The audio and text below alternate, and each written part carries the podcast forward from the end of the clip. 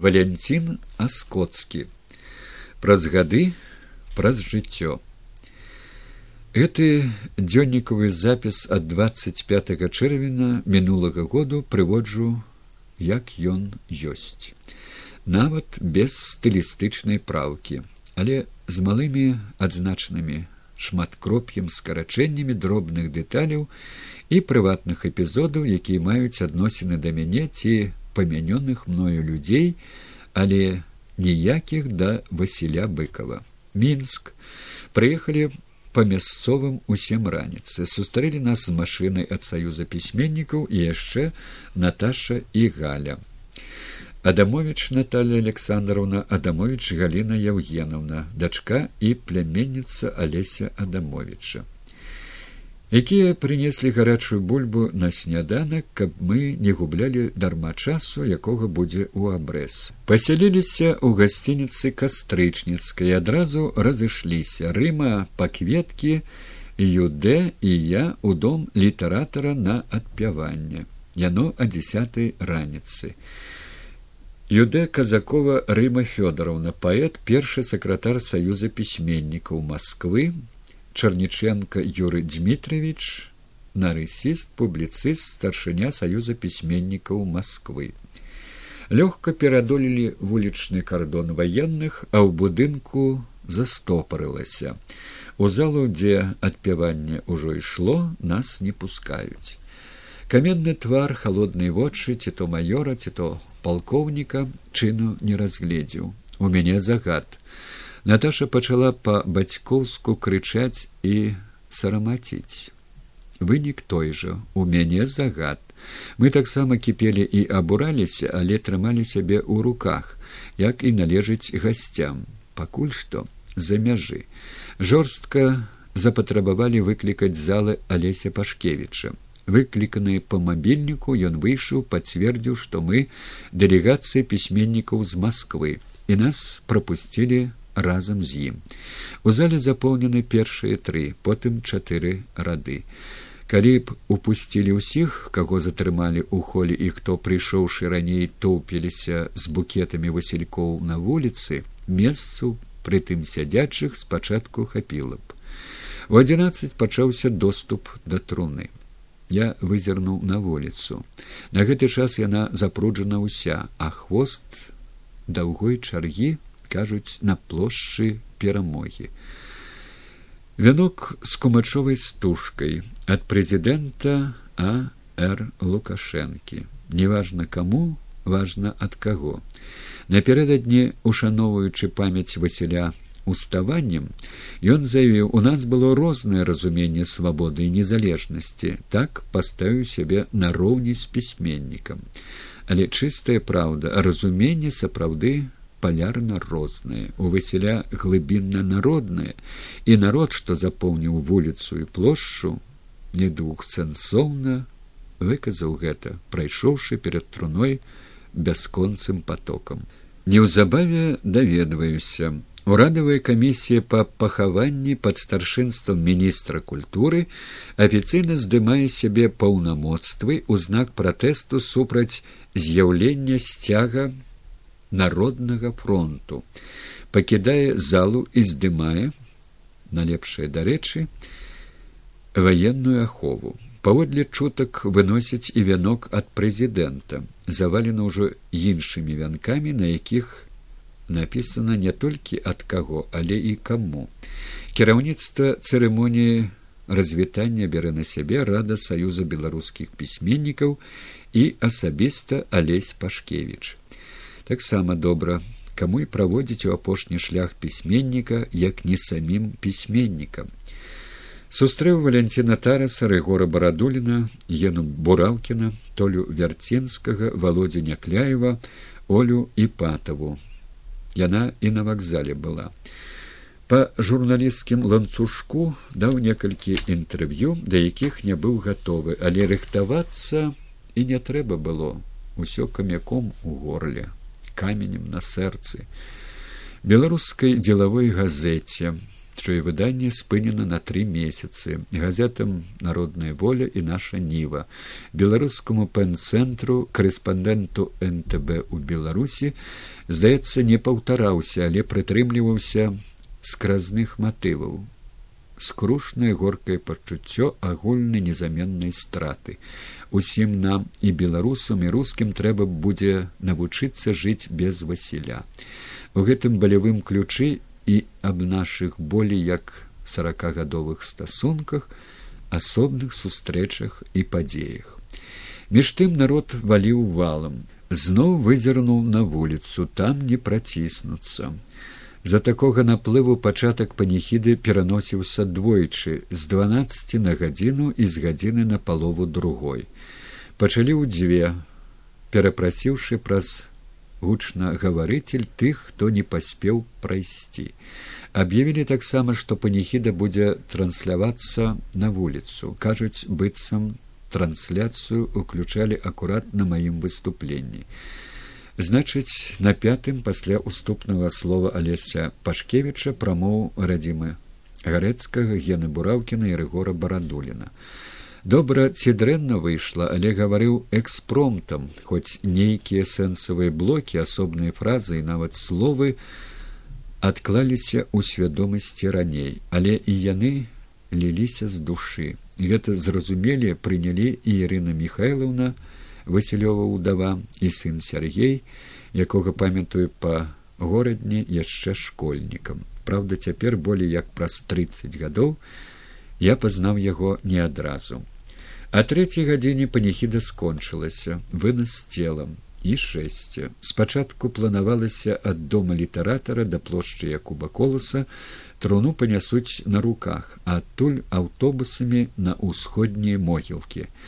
Але аўтобусаў не было. Падобна іх адмянілі адразу як толькі афіцыйная камісія адмовілася ад удзелу ў пахаванні не ведаю дакладна але пэўна так. Прайшла чутка што хочуць адмяніць і шэсце. Але насуперак усяму шэсце было і пахаванне стала сапраўды народным. Паводле прыблізных падлікаў не меней як двадцать тысяч чалавек прайшлі струной і за труной па праспекце скарыны да самых могілак спыніўшы на гэты час рух гарадскога транспарту я ішоў з шушкевічам. Хтосьці відаць яго памочнік вырашыў мяне прадставіць. Гэта з масквы крытык шушкевич мне дастаткова ведаць што гэта сябра васіля быкова десятикіметровы прыкладна шлях на могілкі стаўся для мяне цяжкім. Не адразу але напомніла пра сябе нага тым болей што ў мінск я прыехаў без кія але блізка ішоў сямён букчын. Заўважыўшы што я закульгаў і пачаў спатыкацца прапанаваў выйсці з калоны спыніць любую сустрэчную машыну вярнуцца да дома літаратара там перасесці ў яго сямёнаву машыну і на ёй да могілак альбо абагнаўшы калону альбо прыехаўшы адначасова. Так і зрабілі. Калі пад'ехалі дадому літаратара характэрная дэталь запомнілася назаўсёды ён хацеў разлічыцца з прыватным шафёрам той шчыра абурыўся да вы што у такі дзень ніякіх грошай з вас не возьму. Эпізод які наўмысля не прыдумаеш дзеля таго толькі каб убачыць твар разлаванага вадзіцеля пачуць яго і раздражнёны і збянтэжаны голас варта было ехаць у менск пра сапраўды народныя адносіны да пісьменніцкага таленту васяля лепш не скажаш. Калону не абагналі але прыехалі разам з ёй. Пакуль шукалі дзе прыпаркавацца пляцоўка перад трыбунай запоўнілася так густа і шчыльна што прабіцца было немагчыма. Мы не прабіваліся засталіся ў апошніх шэрагах. Таму і выступлення юдэ я не чуў. Мікрафона не то зусім не было. Ці то быў такі слабы што не чутно было ні слова. Потым расказалі выступіў ён як заўсёды тэмпераментна дакладна і выразна выдзеліўшы галоўнае. Народнага пісьменніка праводзіць народ і пахаванне гэта народнае. Расказалі таксама што прэзідэнцкі вянок унеслі зноў пяцёра дужых спецназаўцаў паклалі яго наверх усіх і пільна сачылі каб зноў не засланілі. Замест чацвёртай гадзіны дня як планавалася памінкі ў доме літаратара пачаліся а восьмай вечара. Слова сказала рыма. Так прайшоў гэты развітальны дзень. У тыя дні якімі пазначаны гэтыя запісы дарэчы наяўнасць у мяне дзённіка прычым шматгадовага публічна прызнаю ўпершыню пачаў раскручваецца і працягвае размотвацца зараз болей як праз паўгода тугі клубок памяці. Ведучы ад апошніх сустрэч з васілём быкавым нашых лістоў адзін аднаму і тэлефонных размоў да іх аддаленых першых крыніц якія расталі ў наплывах і наслаеннях дзесяцігоддзяў. Другую сустрэчу з ім датую і далей будзе зразумела чаму календарна дакладна лютым 1962 года. А першая адбылася відаць на год крышку больш ці крышку менш раней на адным з пленумаў праўлення саюза пісьменнікаў беларусі дзе я прысутнічаў як корэспандэнт літаратурнай газеты. Я малады супрацоўнік толькі што прызначаны намеснікам загадчыка аддзела літаратур народаў ссср брацішак як гаварылі тады ў рэдакцыі. Хтосьці з дакладчыкаў ці проста прамоўцаў сярод цікавых навінак прозы выдзеліў дэбютную аповесць пра вайну гарадзенскага журналіста жураўліны крык сказаўшы пры гэтым што пачынаючы пісьменнік сядзець тут у зале. Многія яшчэ не ведалі яго ў твар попрасілі паказацца народу. Ён устаў з апошняга раду і збянтэжаны ўвагай адразу сеў У перапынку я падышоў да яго, назваў сябе, сказаў, што чытаючы па-беларуску аповесць ведаю.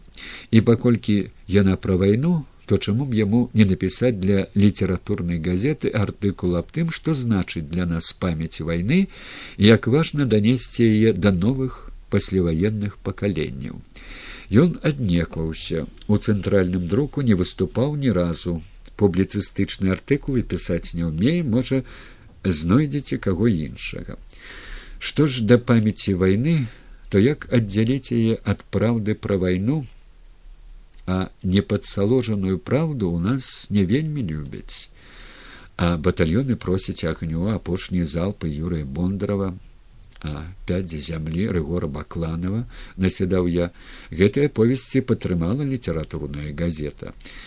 Яна зацікаўленая і ў новых невядомых яшчэ аўтарах за плячыма якіх свой ваенны і пісьменніцкі вопыт.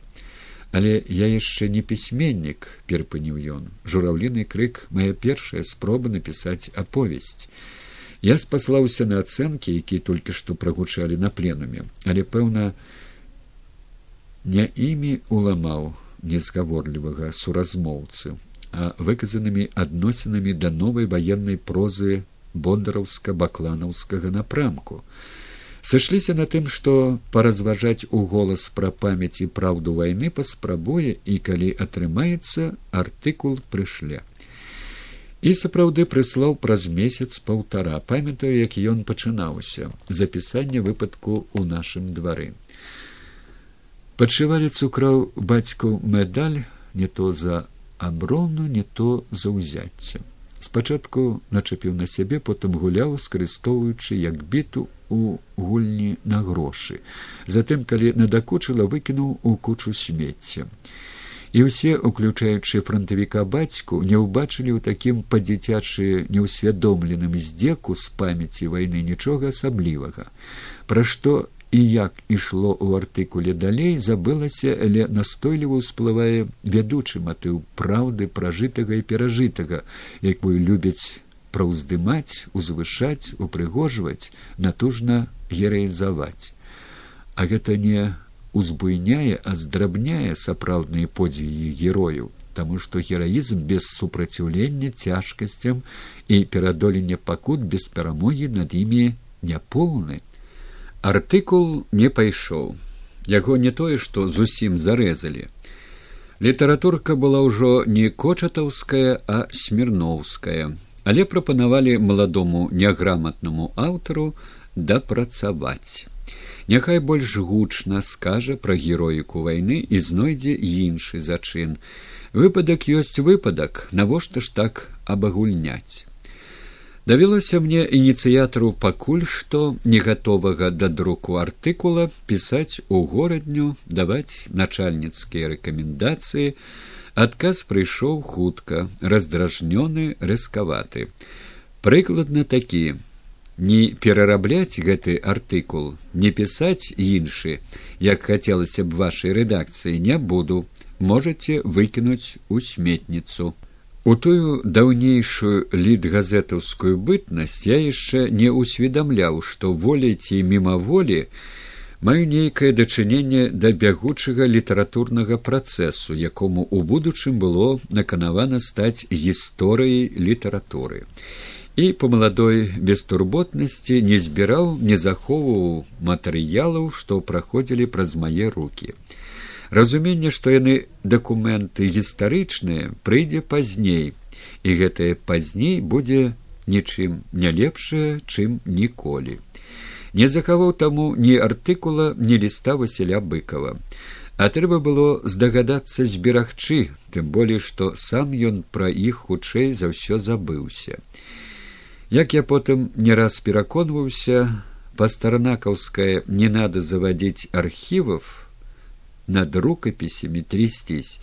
Ён калі і адносіў да сябе, дык літаральна.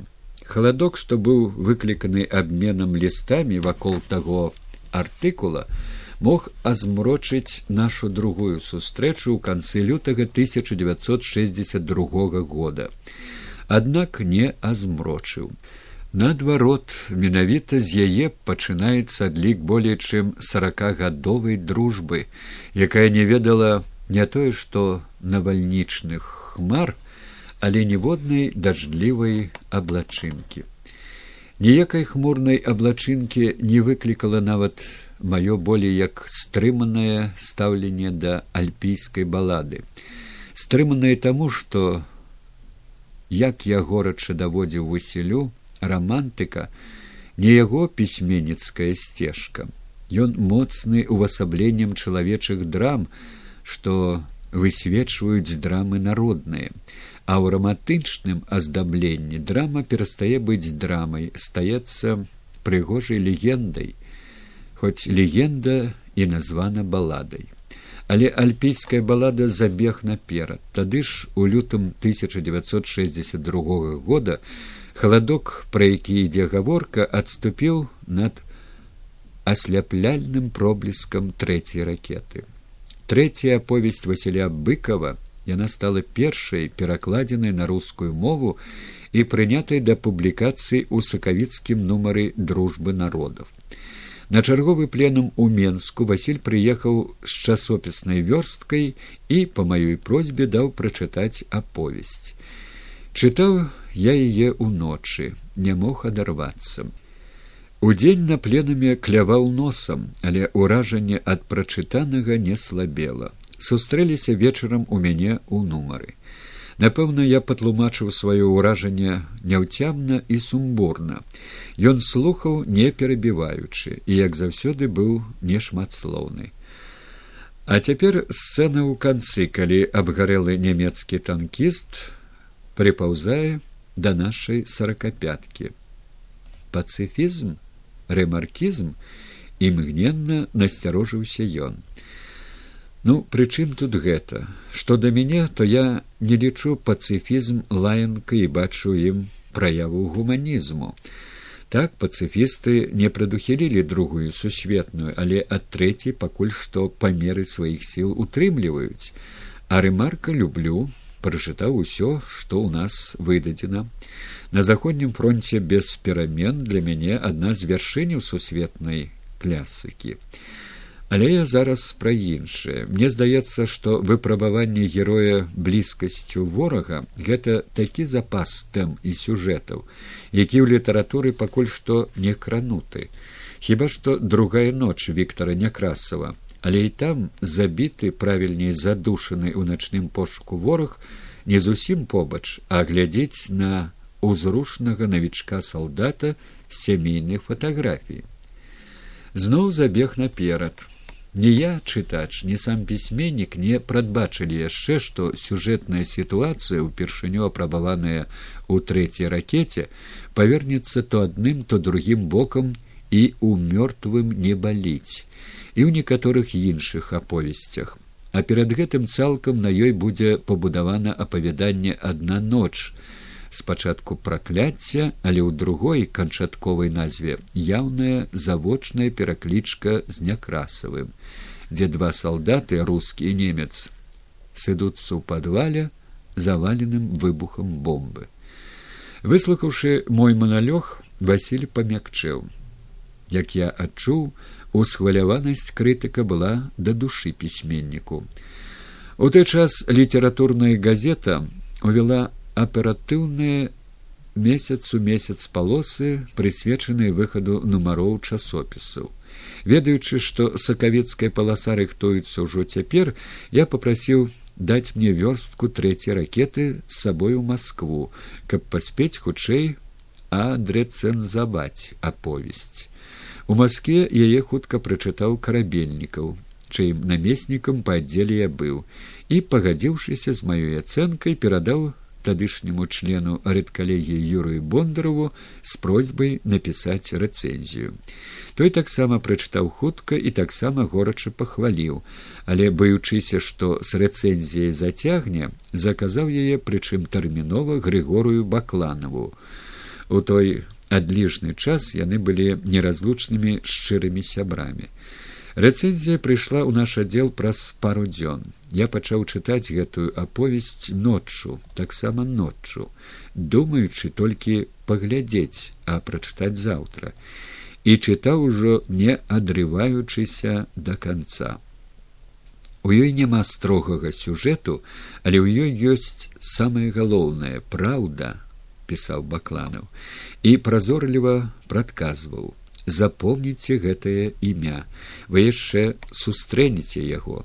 Як бачым пісьменнікі бываюць прарокамі не толькі ў вершах ці прозе але і ў крытыцы так у сакавіку 1962 года у цэнтральным друку з'явілася першае слово пра васіля быкова маё дачыненне да яго нас зблізіла не памятаю дакладна у якую з наступных сустрэч мы перайшлі на ты але ведаю пэўна адбылося гэта без усялякіх брудершафтаў натуральна само сабой.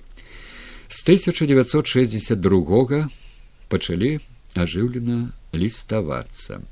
Да святаў абменьваліся жартоўнымі і сур'ёзнымі віншаваннямі у лістах вялі размовы літаратурныя пра справы надзённыя і не пра адны толькі справы, але і непаразуменні, якімі яны часам суправаджаліся. Высветлілася, што і ў прыняцці і ў непрыняцці шмат чаго, што друкавалася тады ў часопісах і выдавалася кнігамі, мы сыходзіліся. Болей частымі рабіліся і сустрэчы два-тры той болей разоў на год, то ў мінску, куды я часта наязджаў па справах і так то ў Маскве, куды Васіль пачаў заязджаць амаль не радзей, чым у Менск. У Менску ён увёў мяне у сваё бліжэйшае літаратурнае акружэнне. Праз яго я пазнаёміўся ў нейкай меры зблізіўся і з володдзям караткевічам і з рыгорам барадуліным, крыху пазней з анатоліем вярцінскім і геннадзем бураўкіным. А нашай моладасці споры Яўген Евтушенко узбудараджаныя пад'ёммі і спадамі ад глігі як успышкамі якія то разгараліся то затухалі. Спрачаліся бурна не адмаўляючы сабе і ў вясёлых застольях у некаторых прымаў удзел алеся дамовіч хоць з усіх напою ён болей за ўсё любіў кефір З ім я сышоўся і пасябраваў яшчэ да першай сустрэчы з Васілём. У Маскве я звёў Васіля з іонам друцы, Іванам драчом, некаторымі лідгазетаўскімі калегамі, нашмат пазней з іграм дзядковым. Пасля вяртання Васіля з Італіі першай замежнай паездкі пазнаёміў у час вячэры са сваёй жонкай, якую ашаламілі шчырасць, прастата і крытычнасць яго разважанняў на тэмы не толькі літаратурныя, але і палітычныя. Ні ў тых, ні ў другіх, як правіл, у нас не было разыходжанняў, калі не браць пад увагу яго сталасць і маю наіўнасць. Ведаючы за сабой гэтую слабіну я пакорліва аддаваў васілю безумоўнае першынство не проста па старшынстве, але ні першых другіх роляў не было ў нас у роўна негатыўным супрыняцці напрыклад наведвання выстаўкі ў манежы хрушчовым яго дзікіх сустрэч з інтэлігенцыяй сустрэч мясцовых правадароў у рэспубліках што праходзілі ўслед за імі. Аднолькава абурала і несхаванае цкаванне некаторых маладых і не толькі маладых але і прызнанага Віктора Някрасава, якога па хуліганску абазвалі турыстам з кіёчкам. Як высветлілася незалежна адзін ад аднаго, мы падпісалі адзін і той жа ліст па справе сіняўскага Даніэля. Я рады, што і тут мы разам, сказаў Васіль, даведаўшыся аб маім падпісанстве. Правёўшы адзін з летніх адпачынкаў у паланзе, шчасліва супала так што там жа у літоўскім доме творчасці адпачываў сям'ёй і алесь адамович я по дарозе дамоў спыніўся ў вільнюсе. Да горадні рукой падаць некалькі гадзін аўтобусам. Созваніўшыся дамовіліся што зазірну ў госці. Гасцяваў тры дні хадзілі па горадзе блукалі вакол з'ездзілі ў дрыцкінінкай там наведалі дом чурлёніса пасядзелі на нёманскай кручы под занепакоеным прыглядам васіля будь асцярожны плынь хуткая адносіць я наплаваўся ў достань. Лёгка спакойна натуральна мінуў час. Гаварылі пра многа і рознае але не без перастанку якраз у тую гарадзенскую паездку я раптам адкрыў для сябе што з васілём добра не толькі размаўляць аб усім што ў галаву прыйдзе але і помаўчаць ты болей што шматслоўныя маналёгі прамаўляў тады я а ён іх не любіў. Такім заведзеным парадкам сустрэчы лісты телефоннай размовы і ляцеў час аж да сумнага ці лёса вызначальнага усё залежыць ад таго под якім вуглом глядзець. У жыцці творчасці васіля быкова 1966 года калі у новым мире з'явілася яго аповесць мёртвым не баліць васілі саша адамович апынуліся ў москве разам і прыйшлі да мяне позна вечары адразу пасля сустрэчы з твардоўскім. Адзін як шкельца другі крышку падвесёлены але ззялі абодва. Сігнальны нумар з пачаткам публікацыі ўжо ў рэдакцыі. Саша быў захоплены аповесцю так што пераказваў яе калі не зусім дык блізка да тэксту василь слухаў з настроем таксама прыўзнятым не тойчы што рады і свайму першаму выхаду да чытачоў праз апальны новы мір і аднадушнаму прызнанню аповесці яго творчай удачай я з нецярпеннем чакаў выхаду нумару дачакаўшыся пачатак прыглынуў залпам зараз і яшчэ з большым нецярпеннем пачаў чакаць наступнага нумару з заканчэннем.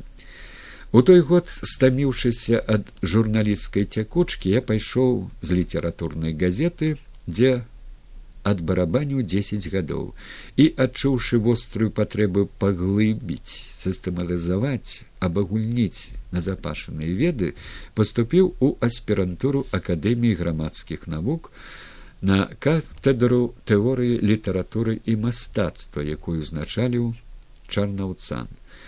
Сяджу аднойчы ў чытальнай зале багатай да слова з сваім кніжным фондам, над нечым працую. раптам званок з катедры. Ігар Сергеевич просіць зайсці. спускаюся. У кабінеце ён прафесор баршчукоў і аспірант трэцяга курса Владимир Сяврук. Вы чыталі ў новым мире аповесць Васіля быкова вядома і ваша думка гавару узбуджана горача. Сяўрук загадкава ухмыляецца. Шарнаўцан хмурыцца баршчукоў з прыкметнай палёгкай.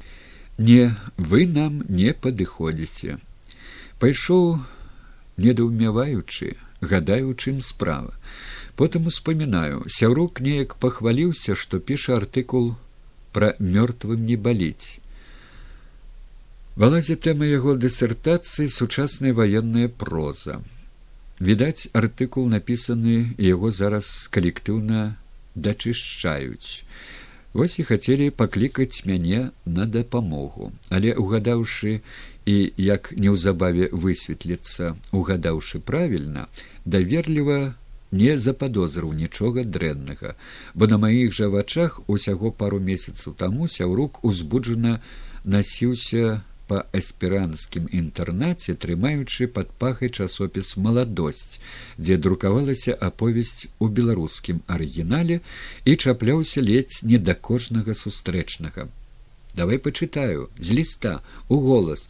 Востра выкрывальна. Мінае яшчэ тыдзень разгортваю аднойчы праўду аператыўна адгукаючыся на новаміраўскую публікацыю мёртвым не баліць яна пільна кляйміць і часопіс і аповесць пра якую трэба сказаць прама і бескампрамісна як пра няўдачу. Гэтая няўдача вынік сур'ёзных ідэйна-эстэтычных пралікаў пісьменніка не артыкул здзівіў уразіў подпіс под артыкулам у сяўруку надрукавана вядома ж не выпадкова. Напярэдадні з'езду саюза пісьменнікаў беларусі куды і я павінен ехаць па гасцявым запрашэнні. Праўдзінскі азначыць і цыкоўскі разлік празрысты як дажджавая кропля. Накіраваць з'езд на асуджэнне аповесці і заканамерна што ўслед за сталічнай зубадрабілкай у беларускага друку неадкладна з'явіўся такі ж разносны артыкул рэспубліканскага лакея. Прыехаўшы ў менск даведваюся вялікая група беларускіх пісьменнікаў некалькі дзясяткаў чалавек калектыўным адкрытым пісьмом асудзіла абодва артыкулы як публічныя даносы страсці разагрэліся да мяжы і напэўна выльюцца на з'ездзе. Сустрэўшыся з васілём расказваю як перад ад'ездам бачыўся з яго перакладчыкам гарбачовым які быў у той час кіруючым апаратчыкам саюза пісьменнікаў ссср ад яго пасрэдніцкіх паслуг васіль хутка наадрэз адмовіцца як толькі заўважыць яго імкненне пры перакладзе згладжваць абстругваць шчэсваць самыя вострыя вуглы. Ён упаўнаважыў мяне перадаць ад яго імя. Калі будзеш выступаць то скажы пра тое і вось так. Як мне тады думалася некаторыя довады каб адбіць аповесць ад ганьбавання мелі рацыю але васіль уважліва выслухаўшы адмеў усё. Не гэтыя парады абарончыя а я буду не абараняцца а наступаць.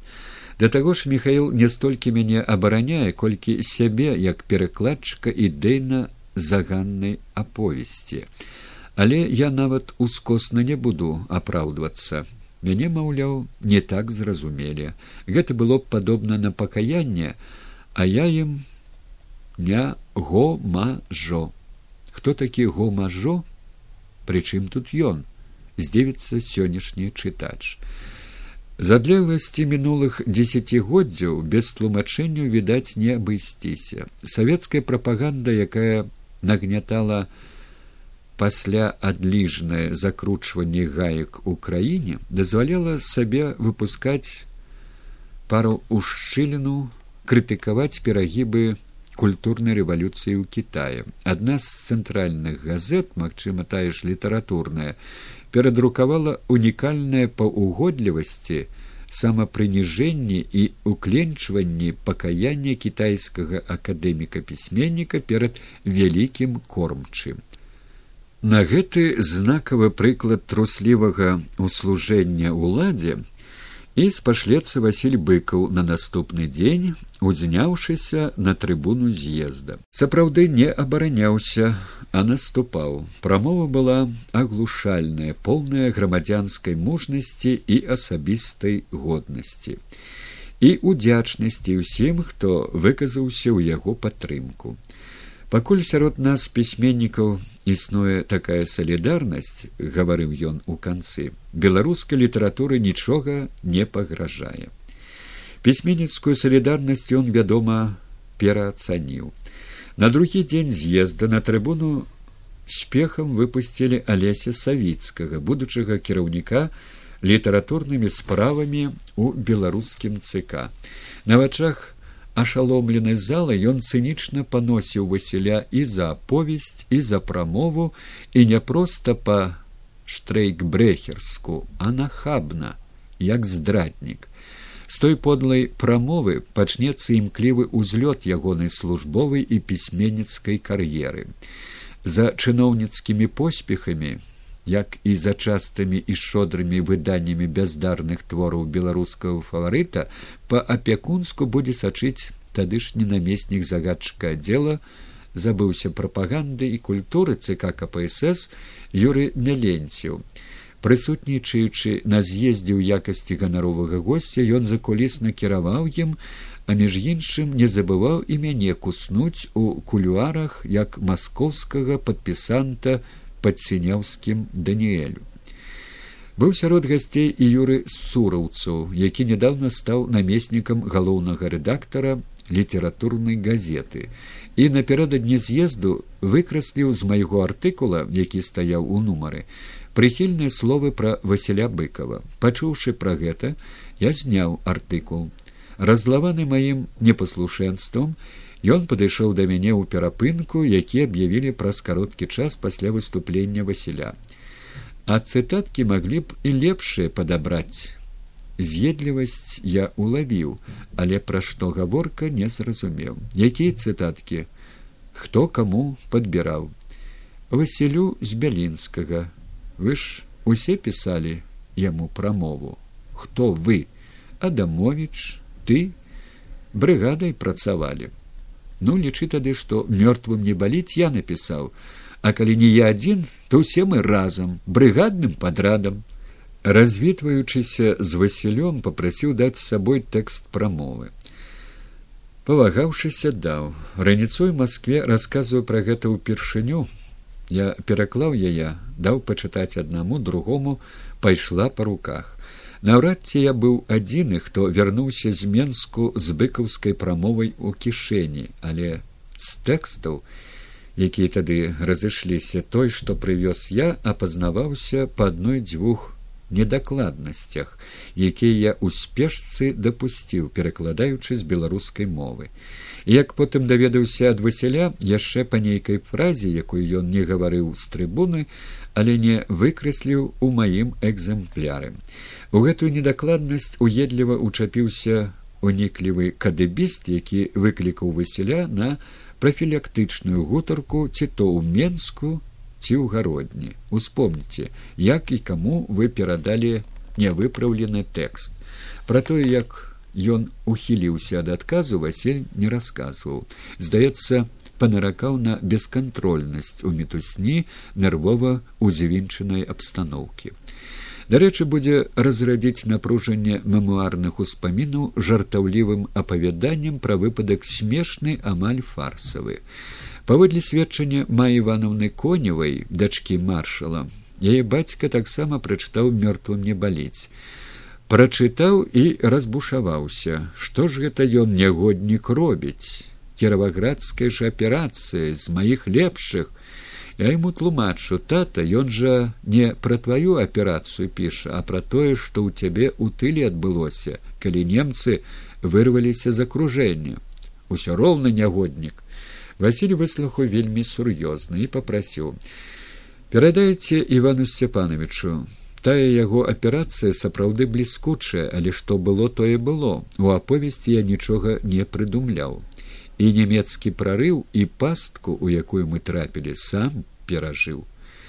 Мая ивановна перадала і пасмейваючыся расказала потым як пахвала лейтенантава кранула маршала.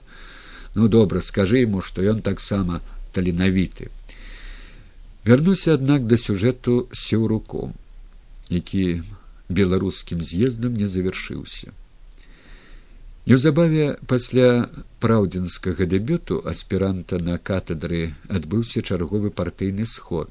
Некаторыя прастадушныя дон кіхоты і андрей нуйкін перш сярод іх дапытліва стараліся высветліць калі аўтар установачнага шальмавання быў шчыры і казаў тое што думаў на самай справе. Ці тады калі бурна ці правакацыйна захапляўся выкрывальніцкай аповесцю ці калі выкрываў яе а заадно і ідэйную заганнасць крамольнага часопіса новый мир герой дня задаволіў наіўных маралістаў не міргнуўшы вокам. Мяне асуджаюць за тое што я памяняў пазіцыю але давайте разбяромся якую ж пазіцыю я заняў? Андрэя сяняўскага ці што ганебны працэс прайшоў нядаўна. І нахрапісты кар'ерыст авалодаючы прыёмамі дэмагогіі ліў лячэбны бальзам на душы старэйшых вопытных таварышаў якія як го нібыта адукавалі дапамаглі разабрацца у ачарняльным творы ідэалагічнага дыверсанта. Адным са старэйшых быў чарнаўцан навуковы кіраўнік які рэкамендаваў свайго аспіранта на працу ў цк гэта была моя памылка паскардзіцца ён п'ючы гарбату ў сваім доме праз паўтараці з лішнім десятка гадоў. Пэўна, я быў жорсткі, адказваючы на гэтае даверлівае прызнанне, бо добра ведаў, што сарвалася яно ў ігора Сергеевича ў нялёгкую хвіліну. Ад гэтай памылкі вас засцерагалі, але вы не хацелі прыслухацца. Некарэктны відаць быў і мой дакор якаўліву калі разам аднойчы успомнілі сеўрука які знік з москвы пасля жнівеньскага путча тысяча девятьсот девяносто первого года. Але ж вы самі яго прыгрэлі.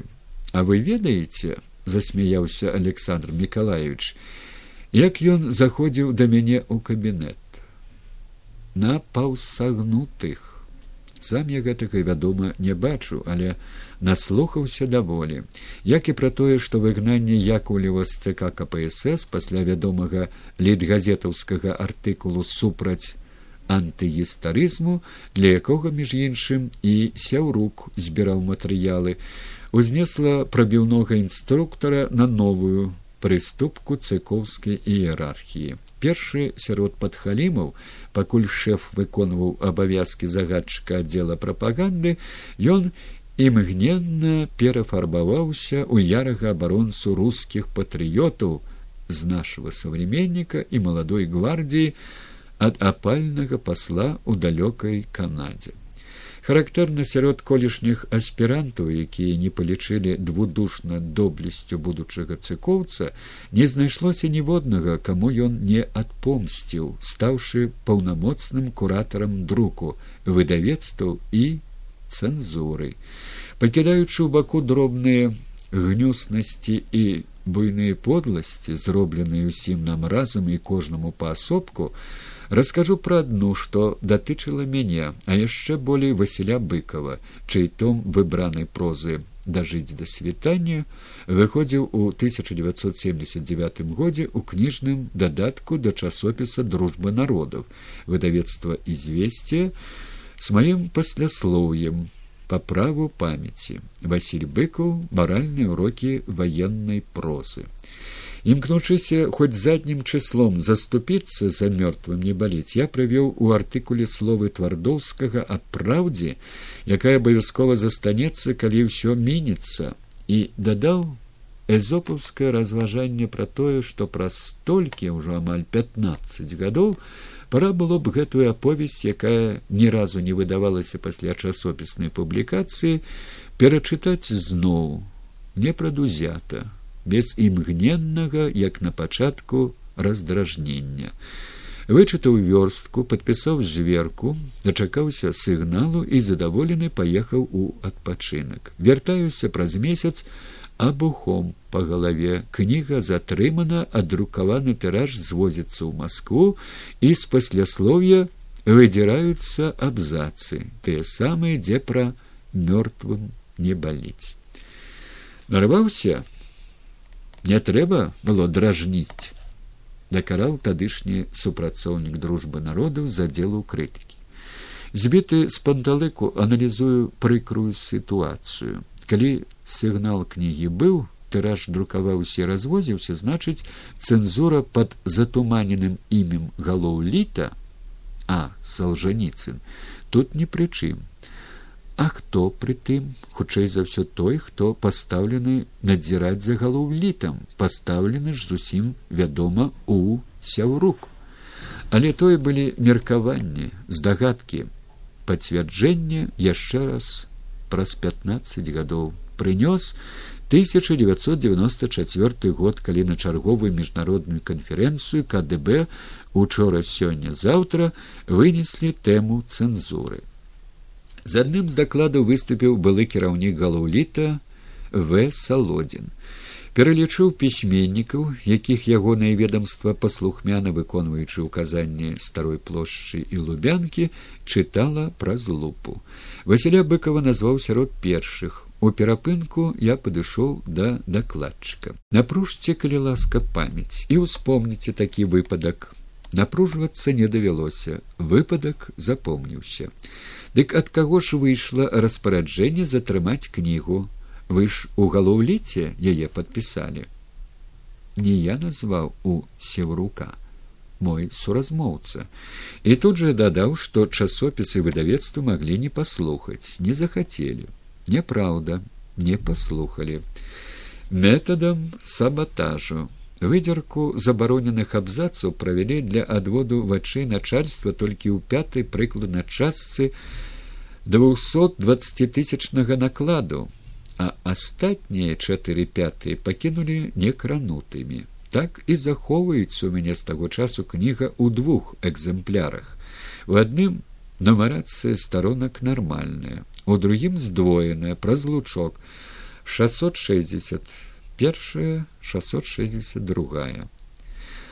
Шестьсот шестьдесят третья шестьсот шестьдесят четвертая ёсць і трэці экземпляр з аўтографам васіля на памяць аб адной кніжнай гісторыі кнігу у ізвесцінском варыянце двойчы перавыдавалі ў рэспубліках на ўкраіне і ў малдавіі і абодва разы пыталіся ў мяне дазволу захаваць пасляслоўе я пагаджаўся але не раскрываючы праўды хітра папярэджваў.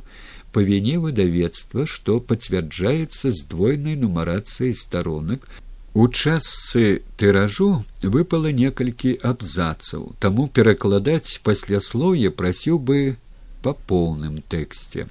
У адказ атрымліваў ветлівае тлумачэнне. Пераклад зроблены, кніга здадзена ў набор, уносіць тэкставыя дапаўненні немагчыма па тэхнічных прычынах. Дапускаючы, што разгадаўшы мае хітрыкі, выдаўцы таксама хітруюць, падумаў быў пра дэмарш, а ці не зняць пасляслоўе.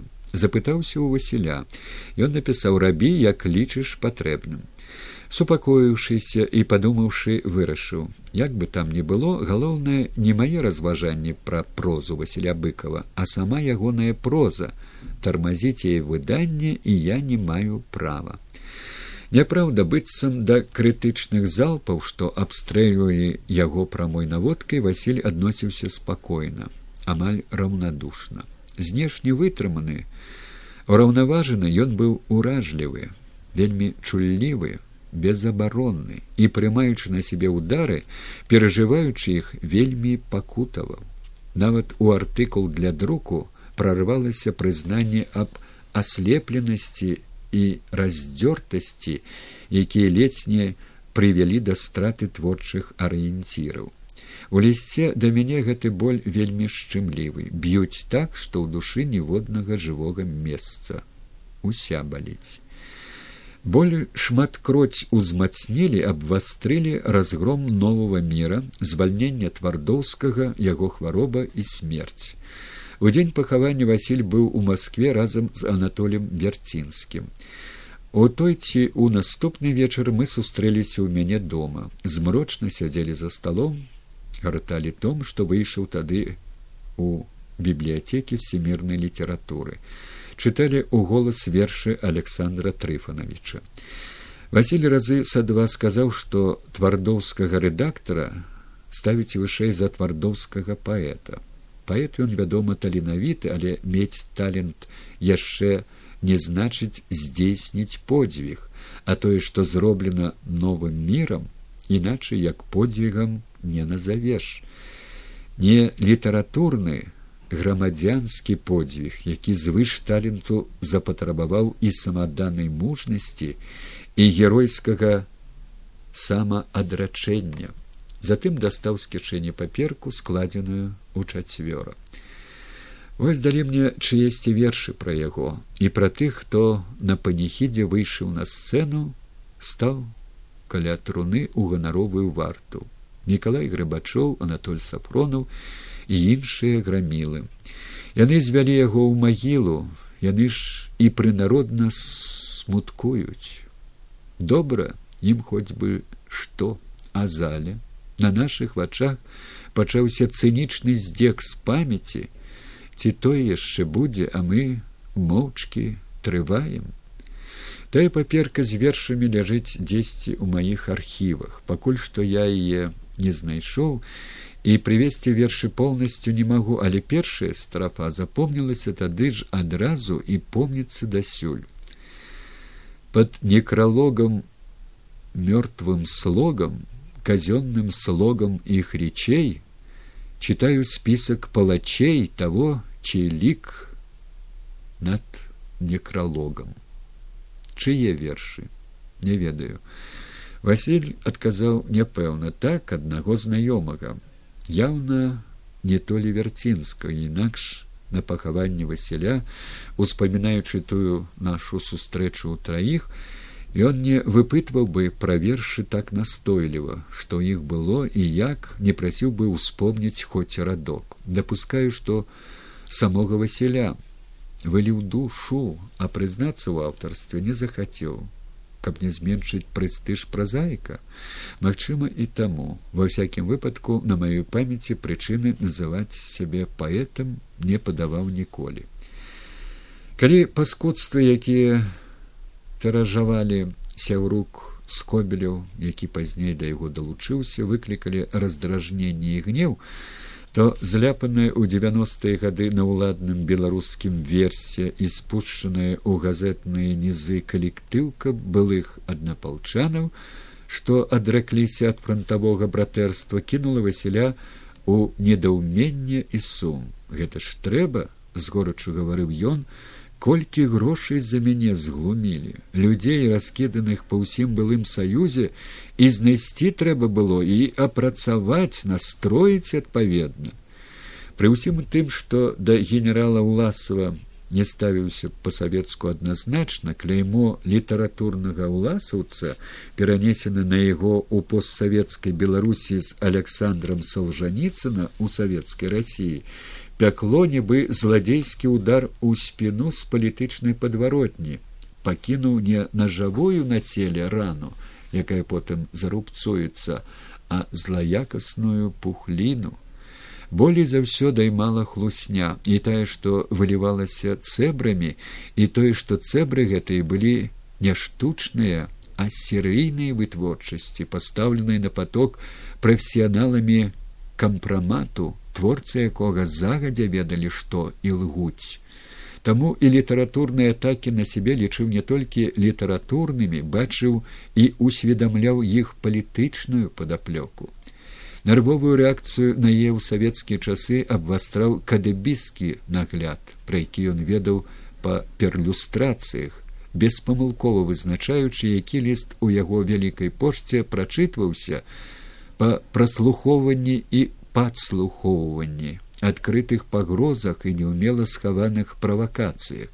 Ды да самі кадэбісты ні ў горадні ні ў менску не ўтойвалі што ён у іх пад наглядам і нават дзеля прыстойнасці не клапаціліся аб тым каб старанна зацерці відочныя сляды бруднага сачэння. Адсюль асцярожнасць якая расла з гадамі перарастаючы ў насцярожанасць а то і падазронасць. Веніямін каверын які пазнаёміўся з васілём у крыме і быў вельмі прыхільны да яго не без здзіўлення расказваў як ён і на пляж выходзіў з портфелем дзе трымаў паперы хаваючы іх ад чужых вачэй. У мой другі прыезд у горадню куды я заехаў па дарозе з польшчы для сяброўскай гутаркі павёз мяне алексея карпюка і барыса клейна пагуляць у лесе. Ні пра што таемнае мы ў лесе не гаварылі прычына ж маёўкі як я жартам назваў наш выезд на прыроду была ў тым што абласное ўправленне кДб паклала вочы і вушы на барыса клейна гарадзенскага выкладчыка вучонага чый грамадскі тэмперамент і нестандартны настрой таксама навуковыя інтарэсы і заняткі выклікалі падазрэння ў нядобранадзейнасці. Ці не залішнія былі меры самаабароны? Не мне меркаваць васілю думаў я відней і зразумеў его калі ў москве на пісьменніцкім з'ездзе тым самым да якога дарма звяртаўся салжаніцын сваім адкрытым пісьмом василь ідучы на сустрэчу з александром ісаевичам сунуў мне ў кішэню згорнутую трубкай паперы які баяўся браць з сабою і попрасіў падтрымаць у сябе да яго вяртання. Але быў і выпадак, які здзівіў безагляднай бяспечнасцю. Выпадкова даведваюся, як гасціў у горадні настырны аспірант з імлі, які так і не абараніўшыся, згінуў потым невядома куды. Кружылі вакол яго не беспадстаўныя намёкі на стукацтва. І василь таксама чуў пра гэта але ўсё роўна пакінуў госця начаваць аднаго ў кватэры. Ты што здзівіўся я. Разумееш давялося пайсці. Мяне чакалі ў іншым месцы. Я быў звязаны абяцаннем і не меў права яго парушыць. Вяла і крыху збянтэжана апраўдваўся ён добрадуша але да яго штурхаў давер чуткі чуткамі але не можаш чалавек упасці так нізка каб адплаціць злом за гасціннасць. А галоўнае вернасць слову. Яна была для васіля нормай паводзін. І наогул пытання чаго больш у апісаным выпадку безагляднасці ці смеласці. По мойму ўсё таки апошняга прадыктаванага неаслабным пачуццём гонару і асабістага і прафесійнага. Не адмаўляцца ж ад яго пісьменніку за шпікоў ды наносчыкаў ад якіх усё роўна не ўберагчыся Таму даводзілася часам і на ражон лезці, ці дакладней выходзіць да бар'ера. Пры прыездзе ў горадню на сваю малую радзіму для Віктора варашыльскага ражном бар'ерам стала мытня на савецка-польскай мяжы. Беларускі апазіцыянер сустракаў польскага дысідэнта, вадзіў госця па мясцінах яго дзяцінства, прымаў у сябе дома, хадзіў да яго ў гатэль. Пры ад'ездзе правёў не на вакзал, а на мытню. Там і абняліся на развітанне. Далей тым, хто праводзіць ходу няма. Праз месяц так хадзіла тады наша пошта туды і да нас адтуль ліст ад варашыльскага. У той дзень ён не паехаў. Мытнікі учынілі незвычайны дагляд, а шматгадзінны шмон старанна корпаліся ва ўсім друкаваным і рукапісным, тое сёння забралі. Цягнік пайшоў і падазронаму госцю давялося каратаць ноч на лаўцы паміж мытняй і пашпартнай заляй у апошнія гады зарубежных бадзянняў насцярожанасць якая уелася і трымала ў пастаянным напружанні крыху слабела але пры наездах у менск вярталася зноў з дому выходзіў па крайняй патрэбе бачыўся толькі з самымі блізкімі людзьмі з карласам шерманам па справах беларускага пэн-цэнтра з рыгорам барадуліным гутарыў у сябе ці ў яго дома гадзінамі. У тэлефонных размовах асцярожнічаў лісты адпраўляў з выдуманымі зваротнымі адрасамі у мяне такіх некалькі.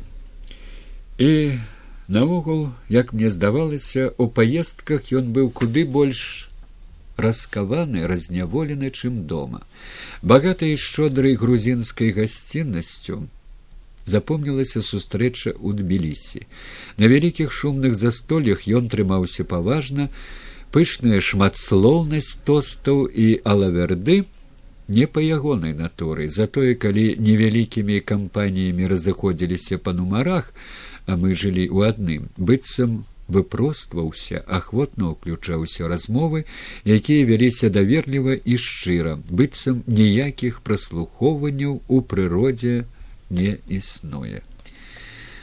У той тбіліскай сустрэчы нашым частым суразмоўцам быў доктар філялогіі з паўднёвай асеці літаратуразнаўца і паэт нафі джусойты дзе ён цяпер што пра яго чутно дапытваўся васіль будучы ў германії толькі мог я адказаць што сам не ведаю. З распадам ссср прыкра абарваліся многія сувязі і літаратурныя і сяброўскія. Цяга да малых спакойных кампаній цалкам акупіла сябе ў ерыване пайшлі снедаць да леаніда гурунца. У яго засталіся на абед і прасядзелі да вячэры цэлы дзень не выходзячы з дому. Нават на нейкі афіцыёз з урачыстым канцэртам не пайшлі за што мне давялося ўзяць на сябе сакратарскі гнеў юрыя сураўцева ён вырашыў што мы загасцяваліся загулялі.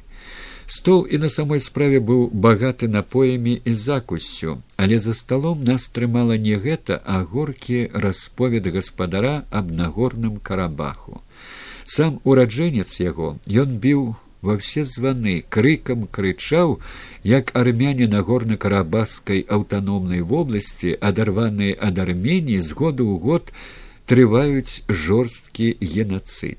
Армянін які жыве у сцепана керце не толькі ў ерыван да родных але і ў памежныя горы і кафан не мог з'ездзіць мінаючы баку ні газет армянскіх ні кніг ні тэлевізійных праграм і імклівае змяншэнне карэннага насельніцтва якое мэтанакіравана выцясняецца і пагрозамі насілля і прамым насілем аж да збіцця і забойства. Дружба народаў трашчала ў карабаху па ўсіх швах і вугельчыкі будучы нацыянальна вызваленчай вайны тлелі разгараючыся ўжо тады Пра ўсё гэта і расказваў Леонид Гурунц, які адважна бамбардзіраваў пісьмамі пратэстамі і брэжнева і алеева і дземірчана. Замест зразумелых адказаў строгая вымова за вымовай па партыйнай лініі, выключэнне з партыі за паклёп, які падрывае саюз непарушны, некалькі інфарктаў, пакуль апошні не абарваў жыццё калі праз полтора десятка гадоў мне давядзецца ўдзельнічаць у стварэнні дзейнасці камітэта расійскай інтэлігенцыі карабах крик у разгара блакады і вайны не раз вылятаць у замерзлы сляпы ереван у сцепана керт які метадычна разбураўся азербайджанскімі градамі Я шматкроць успомнітую сустрэчу у Леаніда Гурунца, які ўпершыню расказаў мне пра армянскі боль і карабахскую трагедыю. Не забываў яе і Васіль. Пасля кожнай маёй паездкі ў арменію і карабах з цікаўнасцю выпытваў, што там і як. шчыра цікавіўся дзейнасцю крыка і адабраў яе кнігу маіх рэпартажаў і артыкулаў карабахскі дзённік якая выйшла ў сцепана керце на газетнай паперы мізэрным тыражом вайна чытаў уважліва чуйна улавіўшы ў ёй тое галоўнае дзеля чаго ўласна яна пісалася і выдавалася. Журналісцкія сведчанні відавочцы. За год да яго смерці выйшла пасмяротная кніга прозы леоніда гарунца удава зрабіўшы надпіс прасіла перадаць васілю.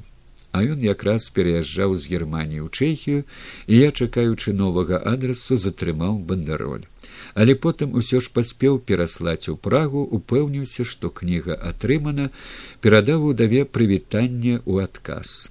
А ці паспеў прачытаць кнігу васіль які усур'ёз абяцаў падумаць пра маю просьбу напісаць на яе для літаратурных весцей рэцэнзію так і не ведаю.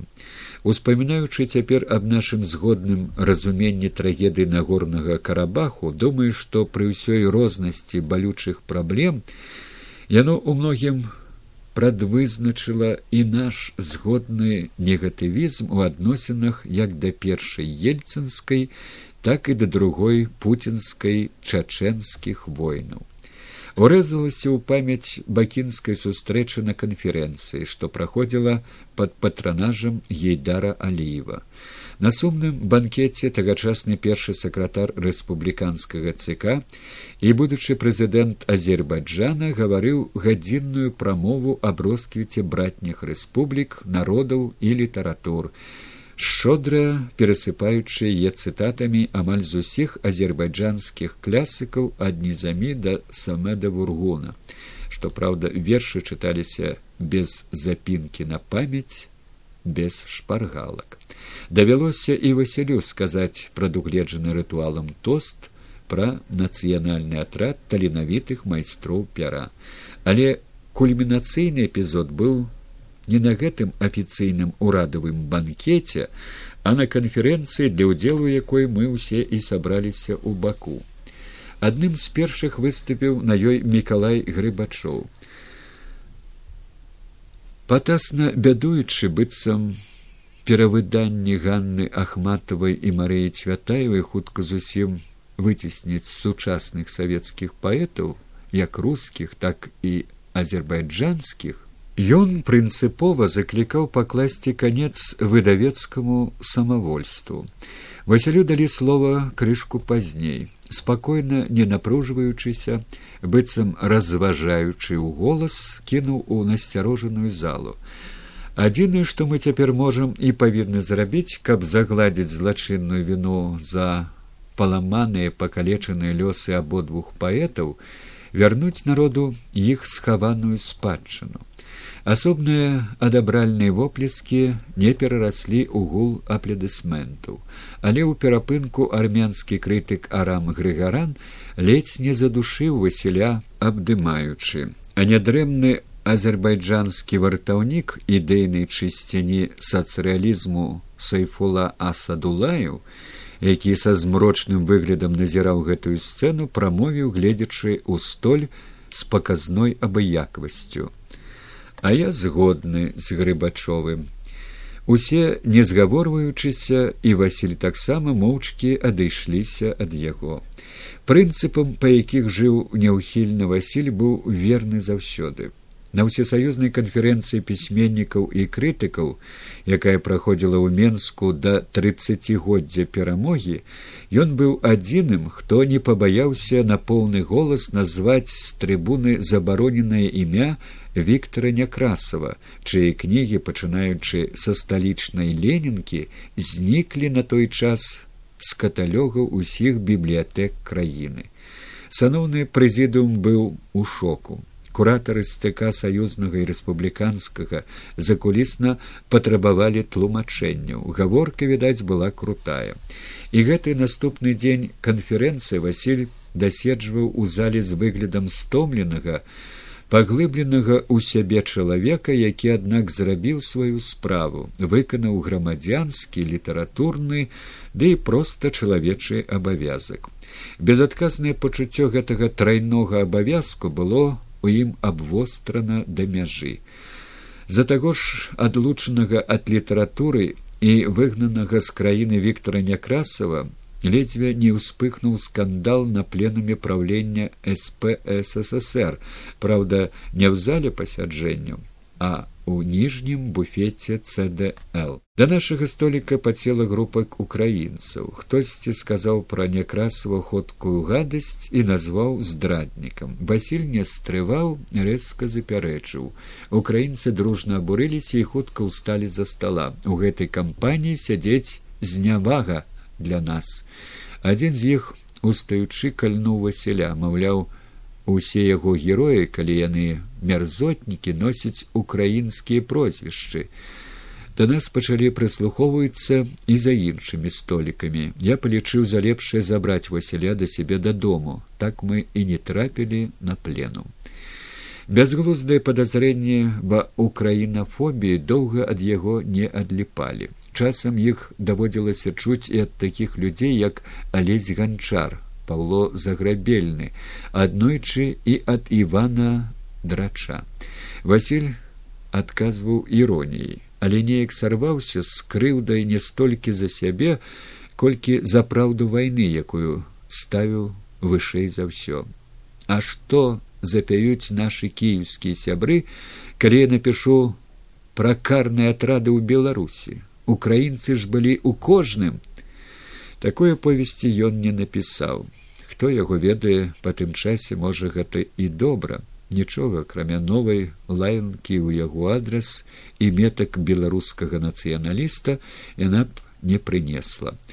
Ды і галоўліц засек бы на корані расказаў жа памянёны вышэй салодзін што ў прозе васіля быкова асабліва адсочваліся суадносіны станоўчых і адмоўных герояў па нацыянальных прыкметах колькі якіх рускіх беларусаў украінцаў. Якая норма дазвалялася былы галоўлітавец чамусьці не раскрыў. Мне некалькі гадоў і на хвале стварэння беларускага народнага фронту які василь быкаў падтрымліваў і словам і справай пра пісьменніка і ў рассіі загавораць як пра беларускага нацыяналіста русафоба. Няхай бы сабе. Класныя сярмяжна лапцевыя патрыятысты. На жаль і некаторыя разумныя людзі засяроддзя не каля літаратурнага а пісьменніцкага. Трапным адказам ім прагучала яго прамова ў менску што даляцела да москвы мы з рассеі акадэміка сахарова сергея кавалёва але не з камуністычнай рассіі сталіністаў слова ў слова паўтарыў гэта і ў нашым разгорнутым дыялёгу гутарцы які мы вялі ў германії для часопіса пасеў не камуністычная не сталінская рассея не беларускага нацыяналіста не русафоба у ім рашуча не прызнавала я наглядна пераканаўся ў гэтым па гарачых слядах свайго звароту дапамажыце пісьменніку адрасаванага ў двухтысячным годзе праз ізвесце выконваючым абавязкі расійскага прэзідэнта і маскоўскага мэра. У адказ на публікацыю хлынуў поток водгукаў чытачоў званілі і літаратары і ветэраны вайны. Абураліся новымі пераследам і цкаваннем вядомага любімага пісьменніка на яго беларускай радзіме. Шукалі і прапаноўвалі розныя варыянты магчымага пераезду ў рассею хоць бы часова да лепшай спрыяльнай пары. Адстаўны палкоўнік раіў звярнуцца да губернатара маскоўскай вобласці генерала барыса громова і абяцаў сваё пасрэдніцтва амаль з палавіннай гарантыяй поспеху василь попрасіў перадаць яму дзякуй але ад прапановы адмовіўся. Позвоніў у менск старшыня міжнароднага літаратурнага фонду владимир огняў выказаў гатоўнасць выдзеліць дачу ў перадзелкіне у размове праз тыдзень ці то выпадкова ці наўмысна удакладніў уступае уласну якой дарэчы тады ў яго яшчэ не было прыродна чуйны да скрытых псіхалагічных нюансаў вельмі далікатны васіль падзякаваў і раз назаўсёды закрыў тэму. А з кантор пуціна і лужкова ні слова. Як напэўна заўважыў чытач расказаўшы пра скандальныя перыпетыі вакол мёртвым не баліць я перайшоў ад паслядоўнай храналогіі мемуарнага аповеду да розначасовай мазаікі назіранняў эпізодаў выпадкаў якія былі апасродкавана навеяны сустрэчамі з васілём быкавым або звязаны з ім непасрэдна. Уключыў гэтую мазаіку і нашы літаратурныя вочныя і завочныя гутаркі розных гадоў у якіх былі не толькі агульнасць поглядаў але і разыходжанне ў густах так у адносінах да салжаніцынскага івана дзянісавіча мажаеўскага фёдора кузькіна і бялоўскага івана афрыканавіча распуцінскіх ганны і дар'і выхаванцаў дзіцячага дома з крадзяжу віктора астаф'ева не гаворачы ўжо пра ваенную прозу Віктора Някрасава, Григорыя Бакланова, ранняга Юрыя Бондарова ці аповесці пра сучаснасць Владимира Цендракова, нашы меркаванні супадалі поўнасцю. Сустрэўшыся ў магілёве на сіманаўскіх чытаннях, сышліся і у неадназначных адносінах да спадчыны Канстанціна Михайловича, прызнаўшы, аднак і кнігу лірыкі за табой і без цябе і лепшыя раздзелы трылогіі жывыя і мёртвыя і дзённікі розныя дні вайны а напрыклад у адносінах да маяковскага разышліся круто василь успрымаючы яго ў прызме сціхов о савецкам паспарце бачыў ім выключна трыбуннага агітатара гарлана главаря. Паспрабаваўшы аднойчы не не пераканаць але хоць бы выклікаць прыхільнасць я прачытаў самага любімага разговор на адзескам рейдзе пер'я аблака закат расканарейце але і да гэтага на мой тагачасны ды і цяперашні погляд лірычнага шэдэўра василь застаўся раўнадушны. Кахаеш раўнуеш пакутуеш дык і пішы пра гэта без выкрунтасу. Прычым тут параходы на рэйдзе. Тут яшчэ падліў масла ў агонь неўгамонны спрачальнік андрей нуйкін. Думаючы што абараняе маяковскага ад быкова рынуўся на мяне а ты дарэмна хочаш пераканаць васіля лірыкай. Калі б маяковскі зараз апынуўся з намі ён бы не лірыкай абараняўся а якраз вершамі прапагандысцкімі.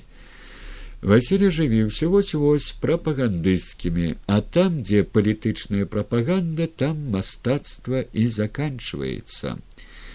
Не паразумеліся мы і ў ацэнках раману Івана Мележа людзі на балоце і подых навальніцы.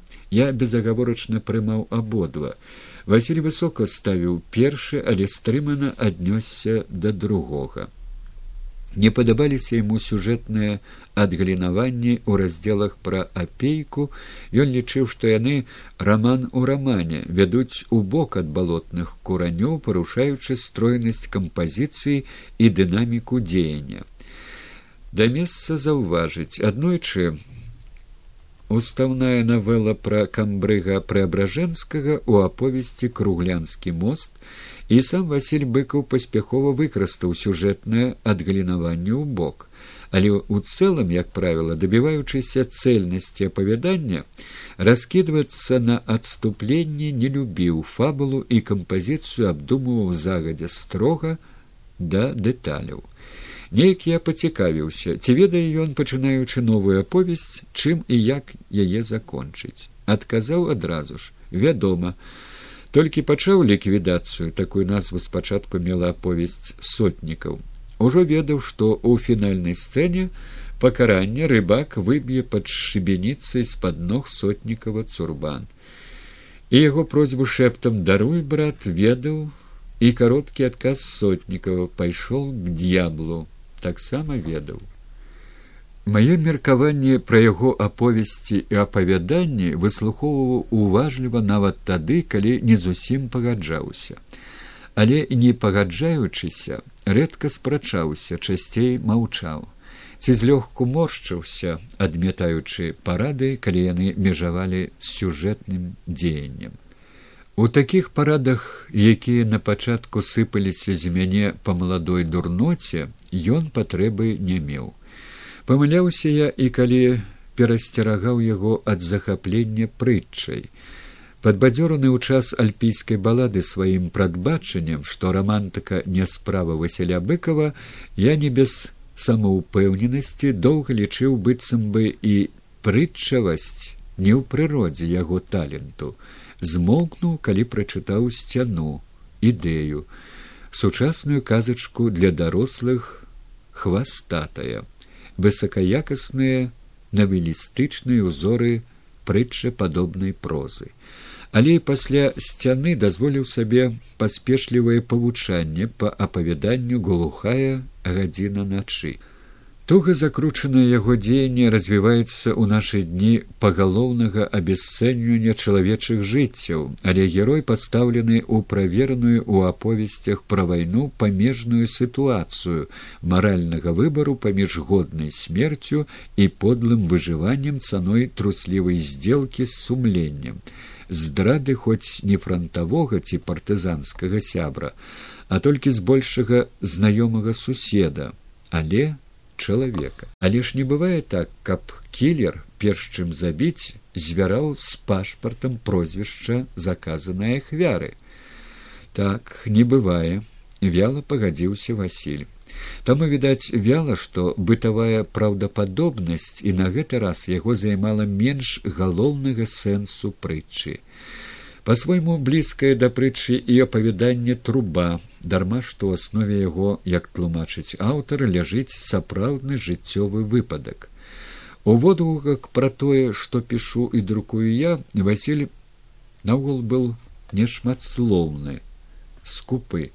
У артыкулах пра яго штосьці прымаў чагосьці не прымаў але і пра тое і другое гаварыў мімаходзь Пра маю кампрамісную даніну сацыялістычнай ад гэтага кондавага паняцця я, на жаль, не вызваліўся аж да канца семидесятых тэрміналогія не гаварыў ніколі, хоць хутчэй за ўсё не прымаў яе. За адабрэннем адгукаўся пра некаторыя партрэтныя палемічныя артыкулы, уважліва ўчытваўся ў мемуарныя дэталі блякатнага дзяцінства ў ленінградзе эвакуцыйнага жыцця ў татарыі. Пасля публікацыі крытычнага артыкула пра сталінскі роман кочтава вугал падзення так склалася лідгазетаўская кан'юктура што чакоўскі быў у ім надта зацікаўлены пазваніў з горадні ў знак салідарнасці. Салідарызаваўся і тады калі кочатаўскія аднаверцы уключаючы забытага сёння маршала авіяцыі накінуліся на мяне як на крытыка паклёпніка. Лічыў цікавымі артыкулы пра юрыя трыфанова была так у джаву данііла граніна.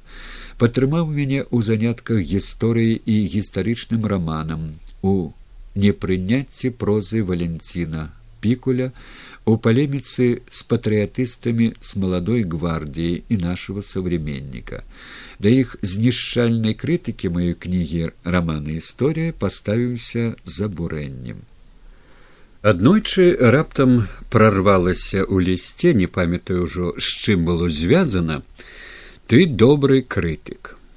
Прызнаюся ад яго пахвалы зарядзеліся вушы. Не падманваючы сябе заўсёды бачыў у сабе прафесіянала сярэдняй рукі і ад слоў васілёвых адчуў адначасова і няёмкасць і натхнення раз ён так піша значыць я на правільным шляху. Абнадзейвальны ўзлёт перабудовы даў нашим блізкім пазіцыям новыя стымулы. Стаўшы прэзідэнтам беларускага пэн-цэнтра василь запрашаў мяне на штогодняй канферэнцыі ў менску Я са свайго боку ўсё часцей церабіў яго сваімі просьбамі, на якія ён адгукаўся з гатоўнасцю. Горачай да канца падтрымліваў сваім аўтарытэтам нованароджаны саюз пісьменнікаў Масквы, які пісьменнікі дэмакратычнай арыентацыі, адмежаваўшыся ад чыноўнага сп ссср, стварылі ў жніўні 1991 года адразу пасля гэка чапіскага путчу.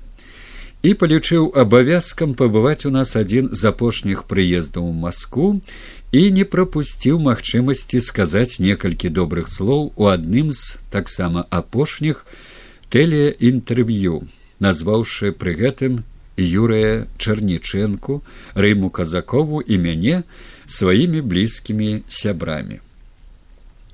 Як аўтар выступіў у адным з першых нумароў нашага часопіса кольцо А строга дакладнымі адказамі на пытанні восьмидесятгадовай даўніны яшчэ горкаўскай. Такая была задумка рэдакцыі анкеты аб антысемітызме лёгка пагадзіўся ўвайсці ў рэдкалегію нашай газеты літаратурныя весці і часцей за іншых прысылаў водгукі рэцэнзіі артыкулы. Завочна ўдзельнічаў у падрыхтаванай намі сумесна з аргкамітэтам сергея ушанкова пра яго дарэчы заўсёды гаварыў з глыбокай павагай. Навукова практычнай канферэнцыі пяцідесятгоддзя перамогі гуманныя каштоўнасці і патрыятызм. Прыехаць не змог, але выступленне горкі смак перамогі прыслаў загадзя. 1996 годам датавана яшчэ адна пікаўская незалежнае выдавецтва пік і таксама з ягоным аўтарскім удзелам невялікім па аб'ёме словам кніга зборнік антыфашысцкай публіцыстыкі нужен ли гітлер рассіі ахвотна адказваючы згоды на прапановы адобрыць сваім подпісам тое ці іншае калектыўнае пісьмо зварот заяву грамадскасці у тым ліку літаратурнай даверыў мне стаць ягонае прозвішча пад тымі які падпісваю сам без папярэдніх перазвонаў узгадненню але у паваротную ноч з трэцяга на чацвёртага кастрычніка 1993 года я гэтае права не выкарыстаў. Збіраючы подпісы пад калектыўнай пісьменніцкай заявай, якая выкрывала камунафашысцкі мяцеж, я усведамляючы гістарычную адказнасць і моманту і дакумента, пазваніў васялю зацемненага асцерагаліся абстрэлу юшанкоўскага кабінету зачытаў тэкст які ён як і многія іншыя тую ноч падпісаў без усялякіх хістанняў. І у адрозненне ад некаторых калегаў не адрокся ад подпісу і потым под націскам злосных нападак якія абрынулі на нас ярыя ненавіснікі дэмакратыі якая не здалася устаяла на мяжы сіл пасля вымушанага ад'езду васяля і ірыны михайловны спачатку ў фінлянду а затым у германію сустракацца амаль што перасталі. Без яго і менск для мяне перастаў быць менскам. Але больш частымі сталі лісты тэлефонныя званкі. З многіх і розных запомнілася як зацікаўлена адгукнуўся ён на мой удзел у стварэнні паліталагічнага часопіса новыя вехі галоўным рэдактарам якога стаў ігар чубайс. Віншую ты зрабіў правільна выбар напісаў василь падмацоўваючы сваё адабрэнне падрабязным аглядам першага нумару. Была спакуса попрасіць яго дазволу на публікацыю гэтага агляду ў шэрагу чытацкіх водгукаў. Не выйшла На трэцім нумары часопіс заглух па банальнай прычыне адсутнасць грошай. Гэтак жа цёпла сустрэў ён і міжнародны яўрэйскі цяпер руска-яўрэйскі часопіс новы век, нават абяцаў стаць яго аўтарам. Не паспеў. Пазбягаючы танных сантыментаў у асабістых стасунках, мы ўзаемна хавалі свае клопаты адзін пра аднаго, лёгкім флёрам іроніі. А Саша Адамович меў рацыю, напісаў аднойчы: пераходзь на кефір і не пі гарэлкі. Вася старэйш адказаў я, робішся занудным маралістам і нагул ты часта бачыў, каб я перабраў. Разы два-тры не болей, ды да і то у даўнейшыя маладыя гады Калі з чарговай паездкі ў Польшу вярнуўся ў гіпсе са зламанай нагой, Васіль званіў мне, калі не кожны, дык праз тыдзень. Ну, знялі нарэшце гіпс, пацікаюся на зыходзе другога месяца. Ды не яшчэ, але абяцаюць, што хутка. Слухай, скажы нарэшце праўду, хто там на цябе наехаў у варшаве велосипедыст ці грузавік Зламаная нага сарвала нашу магчымую сустрэчу ў Геррманіі. Ужо без мыліц, але яшчэ з кіем я павінен быў ляцець на канферэнцыю міжнароднага таварыства правоў чалавека у Франкфурт на майне. Званю адтуль у Берлін Васілю. Па нашых расійскіх адлегласцях знаходжуся зусім блізка ад цябе. Прыехаць хачу, ды не змагу без суправаджэння пакуль што не атрымліваецца, а суправаджаць няма каму. Шкада, што не пабачымся. Магчымасць рэдкая, але на агул, калі ўжо закульгаў, дык лепей кульгаць дома. Вяртайся і пазвані, як прыляціш. Званок праз год, ты што кажаць, у Ізраілі навастрыўся. Ага, хачу пабываць каля труны гасподняй у дзень свайго сямідзегоддзя. Цябе не адгаворыш, але прымі хоць параду. Пастарайся не хадзіць па шматлюдных мясцінах і менш ездзі ў аўтобусах. Абяцаў, але не выканаў. Дзе як не на іерусалімскім рынку пабачыш такі маляўнічы калярыт народнага побыту і куды і ў ізраілі без аўтобусаў. Варта было прагаварыцца ў лісце прабач што доўга не пісаў прыхварэў крышку. Тут жа званок. Што было і як цяпер? Калі не заставаў мяне дома распытваў у жонкі. А між тым у далёкім сваім зарубежжы сам жыў зусім не прыпяваючы. Без пастаяннага жытла пры мізэрных сродках даядаю прэмію трыумф блізкага кола сяброў. Хварэў дапякалі чуткі і плёткі што кружылі вакол яго. Найлжывую інфармацыю безадказнага аўтара і звесці быццам прэзідэнт вацлаў гавел даў яму палітычны прытулак і нават чэшскае грамадзянства. Адказаў рэзка эмігрантам сябе не лічыць ні палітычнага прытулку ні грамадзянства не прасіў і прасіць ні ў кого нідзе і ніколі не збіраецца пакутаваў душою перажываў сумаваў засмучалі весткі з беларусі і рассеі аднойчы вырвалася зусім горкая зайздрошчу нябожчыку сашу адамовичу ён пайшоў своечасова і не бачыць што зараз творыцца зусім тым у што ён пераканана верыў і за што так высакародна змагаўся. Лёс усміхнуўся мне, калі рэдакцыя пасева прапанавала правесці дыялёг гутарку крытыка і пісьменніка.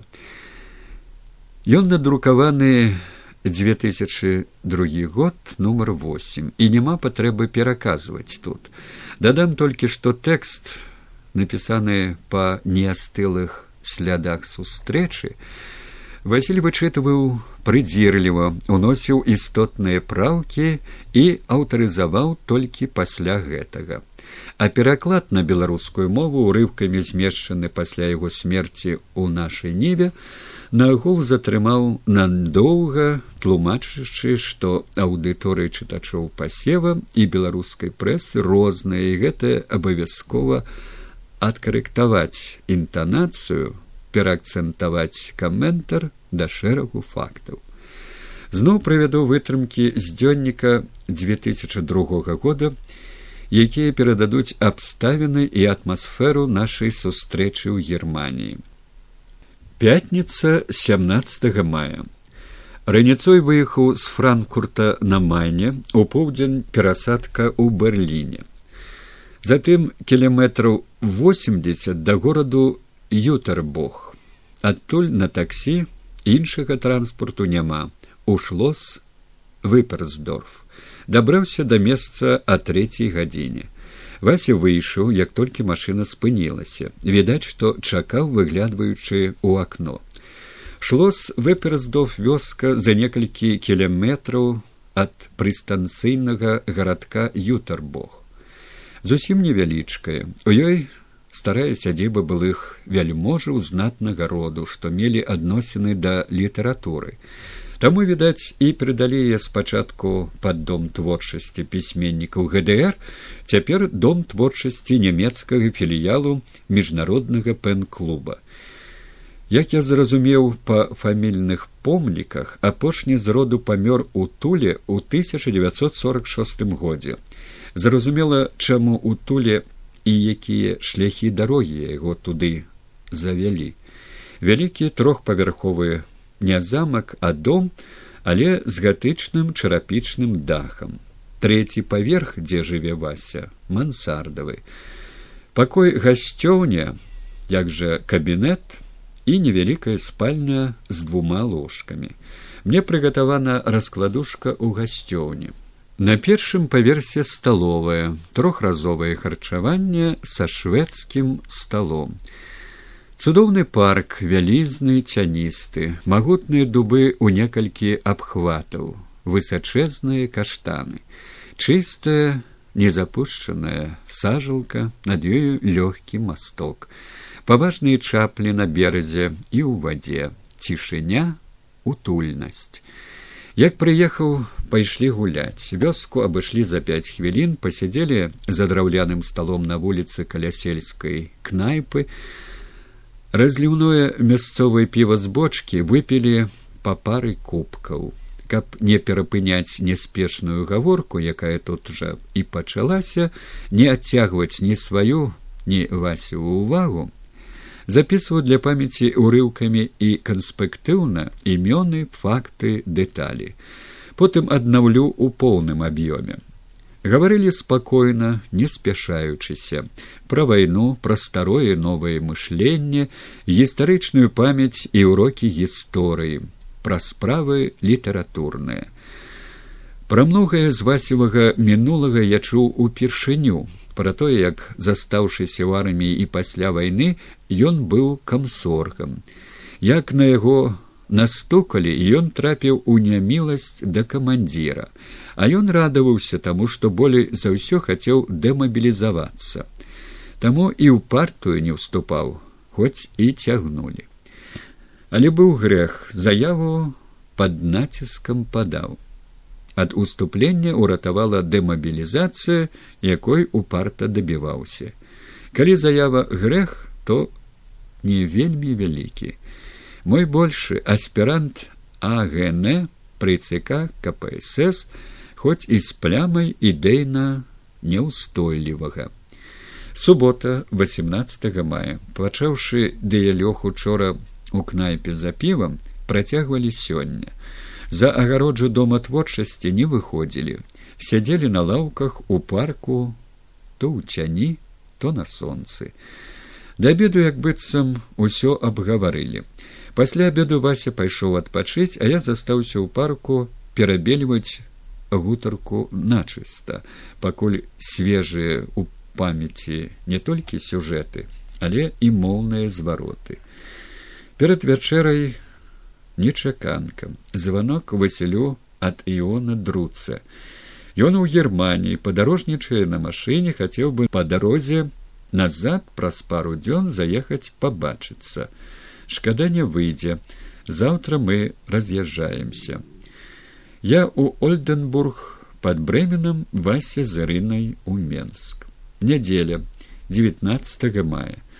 Наш раз'езд пасля снедання усталі а палове восьмай сабраліся а девятой паснедалі у дзесяць таксі якое вася заказаў учора паўгадзінае чаканне цягніка на вакзале у ютарбогу да берліну ехалі разам перакідваючыся словамі.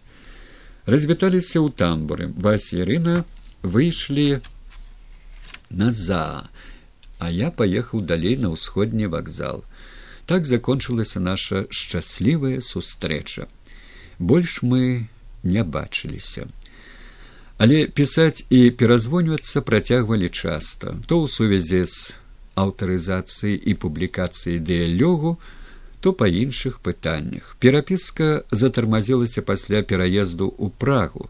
Васіль доўга не меў пастаяннага адрасу, а потым захварэў. Пра хваробу гаварыць не любіў. Коротка паведаміў, што кладзецца на аперацыю. Не гаварыў якую пазваніў пасля выхаду з больніцы больш-менш у парадку праходжу пасляаперацыйны курс лячэння які хімія тэрапіяй усё стало зразумела. Неўзабаве прыйшоў ліст які я прыняў за развітальны. Быў у ім і натужны жарт пра гарэлачку якую мы слаўна папілі на сваё задавальненне і сур'ёзны роздум пра тое што тое сёе паспелі зрабіць у гэтым жыцці як маглі і умелі я адказаў вялікім лістом якім таксама развітваўся з ім. Пра гэты мой ліст ён напісаў лазару лазараву. Валя аскоцкі прыслаў мне вельмі грунтоўны і суцяшальны ліст заклікаючы да бадзёрасці і аптымізму. Вядома дзякуй яму але тут ніякія суцяшэнні не памогуць але я калі і суцяшаў дык толькі інтуітыўна у падтэксце. У тэксце ж без аптымістычных заклікаў і бадзёрых пачуванняў але і без налёту містыкі у разважаннях аб інша быцці думкі дзяліўся ўласным разуменнем жыцця і смерці як нашага зямнога шляху з яго натуральным ходам і зыходам да якога асабіста я адношуся спакойна і прыму па-хрысціянску як належнае. Яшчэ адзін апошні ліст ад яго нават не ліст а кароткая паспешлівая запіска у некалькі радкоў якая суправаджала дзве старонкі напісаныя для кнігі нарацаў артыкулаў эсэ што рыхтавалася да восьмидесятгоддзя александра миколаевича якулева. Пра аўтарскі ўдзел у ёй я прасіў васіля яшчэ да аперацыі. Абяцаў ён цвёрда запэўніўшы што юбіляра паважае любіць і абяцанне як заўсёды стрымаў. У прысланым артыкуле жадаючы якулеву многіх гадоў і добрага здароўя вітаў яго як салдата які ў прыклад і напамін іншым салдатам адвергнуў смярдзючы туман вымарачных заблуджэнняў і адным з першых паказаў дарогу з цемры. Адсюль і загаловак які я будучы складальнікам і рэдактарам кнігі даў артыкулу з цемры. У суправаджальнай запісцы Васіль паведамляў, што па-ранейшаму не выходзіць з дому і болей ляжыць, чым сядзіць за сталом. Значыць, і слова пра Александра Миколаевича пісаў хутчэй за ўсё лежачы. Яно апошняе, што выйшла з-пад пісьменніцкага пера Васіля быкова. Мой ліст у адказ, дзе я ў прыватнасці дзякаваў за атрыманы артыкул, у празе яго ўжо не застаў і пасля смерти яго вярнуўся да мяне як незапатрабаваны город москва